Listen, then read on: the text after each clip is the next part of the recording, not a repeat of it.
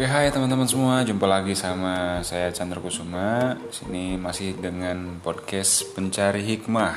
Nah, kalau di episode yang pertama kemarin saya ngebahas soal bagaimana saya menyikapi sebuah kegagalan ya. Nah, di episode yang kedua ini ya cobalah kita menyikapi sebuah kesuksesan karena kebetulan saya juga sudah pernah merasakan itu walaupun kecil ya. Coba cerita deh ya. Oke, teman-teman semua, E, ceritanya dimulai ketika saya masuk universitas ya. Kalau di episode yang sebelumnya saya cerita bahwa masuk universitas adalah sebuah gerbang e, harapan baru buat saya karena saya sudah melalui masa-masa yang kelam di SMA ya. Kayaknya nggak ada harapan lah ibaratnya gitu. Saya coba ngerubah situasi, ngerubah keadaan, ngerubah nasib ya di e, jenjang universitas Oke, ketika itu saya mulai mencoba mencari ya uh, siapa aja sih yang udah lomba gitu, udah menang gitu. Siapa aja sih yang hidupnya itu berubah gara-gara ikut kompetisi gitu kan. Walaupun awalnya memang saya masuk uh, dengan tujuan itu, tapi saya juga sempat terperosok lah ya. Maksudnya kita juga pernah nyoba hal-hal yang aneh-aneh ya waktu SMA gitu kan. Cuma itu nggak perlu saya ceritakan lah. Nah, di tahun pertama saya cukup nggak fokus sama kuliah saya baru di tahun yang kedua di semester 3 saya baru fokus buat mengerjakan lomba-lomba tersebut gitu kan. Nah lomba kenapa saya bisa ikut lomba ya sebelum saya membahas tentang lomba apa? Karena e, kebetulan dulu saya ya entah entah itu saya nggak percaya sih sama kebetulan ya cuma itu tuh memang mirip kebetulan gitu karena saya itu masuk satu organisasi ya. Namanya adalah GSV Group of Economic Students for Future Indonesia Development. Saya masuk ke situ tuh divisi kewirausahaan karena jurusan yang saya ambil di universitas adalah marketing gitu ya uh, manajemen. Jadi saya nggak bermaksud untuk uh, ya serius gitu masuk satu organisasi itu. Saya cuma mikir kalau karena ada kewirausahaan mungkin saya bisa belajar gitu. Ternyata itu organisasi kepenelitian gitu penulisan. Dia organisasi yang sering ikut lomba melalui penelitian ya. Nah di situlah gerbangnya saya eh, kemudian diajak sama senior ikut lomba gitu. Saya sebenarnya nggak tahu itu organisasi penelitian tapi ini masya allah ya mungkin skenario dari Tuhan gitu. Saya dicemplungin gitu di organisasi itu justru eh, sesuatu yang ya sangat-sangat tepat gitu loh. Di mana saya mencari mentor saya dikasih mentor sama yang maha kuasa gitu kan. Saya kemudian nggak tahu ikut lomba caranya gimana dia ajak saya ikut lomba. Dikasih tahu saya caranya. Dibimbing sampai sukses. Alhamdulillah gitu kan. Nah di situ awal mula saya e, mencetak ya karir-karir saya karya-karya saya yang berupa e, karya tulis ilmiah gitu ya. Yang akhirnya mampu membawa saya pergi ke beberapa daerah Indonesia ya mulai dari Semarang ada juga Jakarta, Surabaya sampai ke luar negeri sampai ke Malaysia ya. Nah, di situ cukup banyak prestasi yang bisa saya kumpulkan. Selain itu juga saya sempat aktif juga di organisasi lain yaitu taekwondo ya karena dulu ada turnamen juga festival bentuknya alhamdulillah saya juga meraih medali emas ya kemudian banyak sekali uh, prestasi yang saya dapatkan saya kumpulkan ketika di universitas hingga mampu membawa saya menjadi mahasiswa berprestasi utama di Universitas Muhammadiyah Yogyakarta. Itu loh prestasi yang menurut saya wow gitu loh.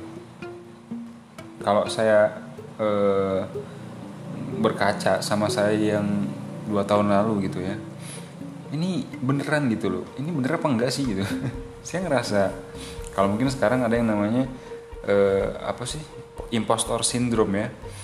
Saya ngerasa itu gitu. Saya ngerasa siapa bener saya kayak gini gitu? Mungkin kebetulan aja kali gitu. Kebetulan saya punya mentor kebetulan saya nulis bagus kebetulan dosen bimbing gitu ya. Kebetulan kebetulan aja gitu. Saya nggak ngerasa itu uh, atas kemampuan saya sendiri gitu. Saya nggak masih nggak percaya gitu loh. Secepat itu nasib berubah gitu dalam kurun waktu sekitar tiga tahunan lah ya. Berubah total dari 180 derajat lah. Dari yang nggak bisa menjadi bisa. E, bahasan utama pada podcast kali ini adalah menyikapi kesuksesan ya atau keberhasilan. Jujur ketika saya menjadi mahasiswa berprestasi utama atau juara pertama di pemilihan mahasiswa berprestasi di kampus saya saya merasa tinggi diri ya. Siapa sih yang nggak merasa tinggi diri gitu kan? Ketika mendapatkan sebuah kenikmatan kan ujian itu selalu di dua sisi ya. Ketika kita di bawah sama ketika kita di atas. Kalau di tengah-tengah tuh nggak pernah lah kita ngerasa kayak diuji. Biasa-biasa aja kan rasanya. Nah tapi ketika itu adalah rasa yang sangat luar biasa. Bahkan ada lagi istilah yang saya pelajari yang namanya star syndrome ya Star syndrome adalah rasa di mana kita tuh layak mendapatkan lebih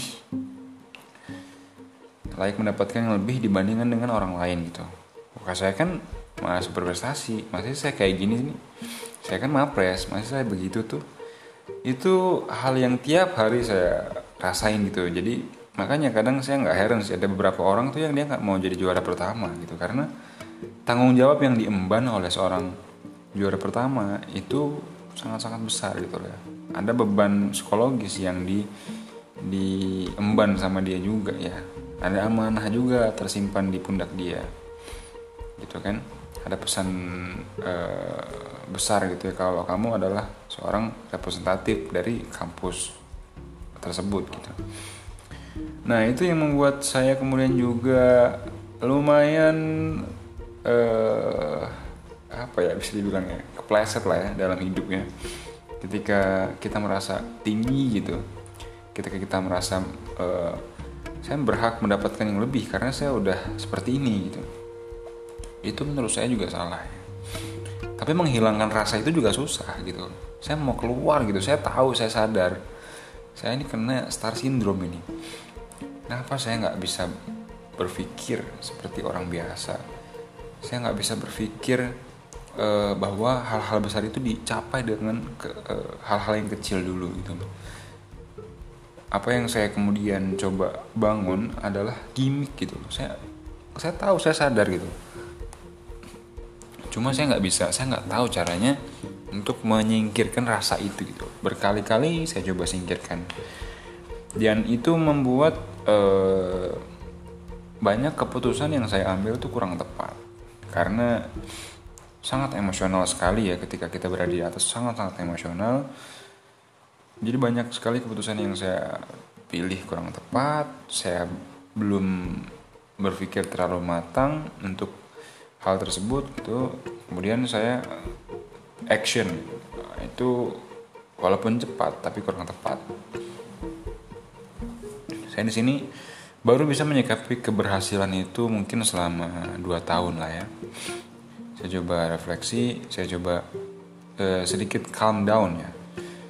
Coba kamu calm down gitu kan saya, ber, saya banyak sekali saya juga sampai self talk gitu kan.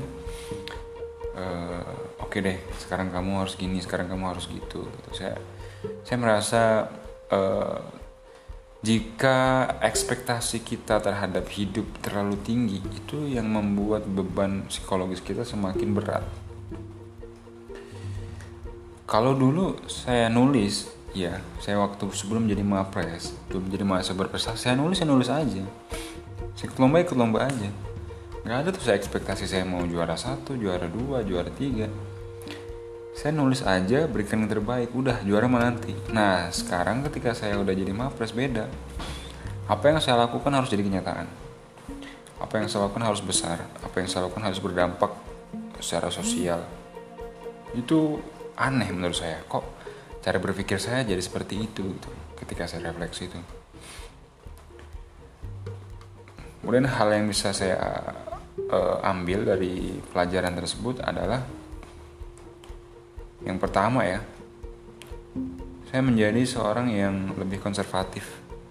Jadi nggak terlalu agresif ketika mendapatkan sebuah informasi atau uh, apa pun itu bentuknya. Saya mencoba lebih tenang. Karena e, belum tentu itu tuh memang untuk kita gitu loh. Saya mencoba tenang tidak emosional dan itu susah susah nggak segampang yang dibilang gitu. Mencoba untuk tenang ya kalau misalkan ada peluang diambil. Karena kalau dulu ketika saya jadi mapres ada peluang A nih yang saya rasa itu kurang ya ekspektasi saya terhadap hidup saya itu terlalu tinggi. Saya mendapatkan opportunity A yang nggak saya ambil. Untuk sekarang saya mencoba jangan terlalu tinggi dulu untuk bisa uh, apa namanya berekspektasi dalam hidup. Apa pun yang diberikan itu baik kecil atau besar dipertimbangkan dan coba diterima dulu.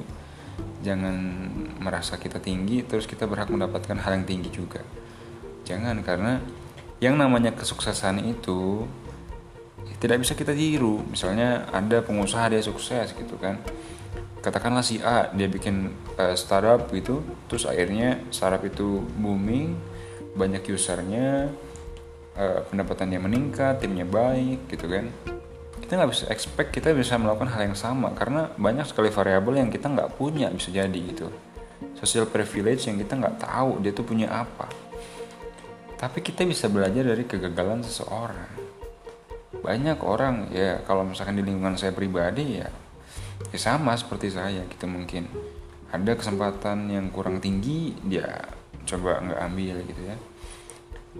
Dan berusaha terus uh, fokus pada hal-hal yang dia ekspektasikan gitu. Untuk sekarang sih udah enggak lah ya. Udah coba ya apa pun yang kira-kira masih memungkinkan untuk saya ambil saya ambil kayak gitu. Coba untuk tenang lah Terus yang kedua adalah kita nggak bisa lepas sama yang namanya uh, peran ya faktor X lah. Karena dulu saya juga berhasil karena faktor X kalau saya bilang. Saya coba deket lagi dengan orang tua, saya coba bangun komunikasi dengan yang maha kuasa, ya, perbaiki amalan, gitu gitulah. Ya, karena bisa jadi ketika kita di atas itu kan ujian. Nah ketika kita tuh gagal dalam ujian tersebut gitu kan. Dalam arti uh, kita lupa dengan siapa yang memberikan itu. Dulu tuh kita melakukan amalan seperti apa hingga bisa seperti itu. Dan kita kemudian setelah mendapatkan itu kita nggak melakukannya lagi gitu. Bisa jadi kita ditegur sama yang maha kuasa. Kamu kok kayak gini sih gitu. Bisa jadi. Atau bisa jadi juga azab kita nggak tahu cuman ya kalau saran saya bagi teman-teman di atas teman-teman harus bisa uh, melakukan manajemen emosi. Melakukan manajemen emosi uh, jangan terlalu banyak berekspektasi jangan terlalu banyak berpikir lah. Gampangnya gitu. Kadang-kadang teman-teman banyak berpikir ketika teman-teman di atas gitu teman-teman bisa melakukan semuanya meraih semuanya enggak?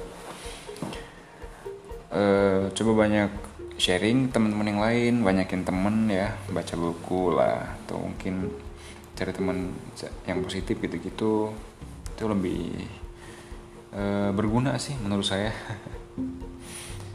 Oke mungkin itu aja sharing untuk e, episode kedua ini menyikapi keberhasilan. Semoga bisa membantu teman-teman semua untuk recovery ya dari apa yang teman-teman semua sekarang lagi alamin.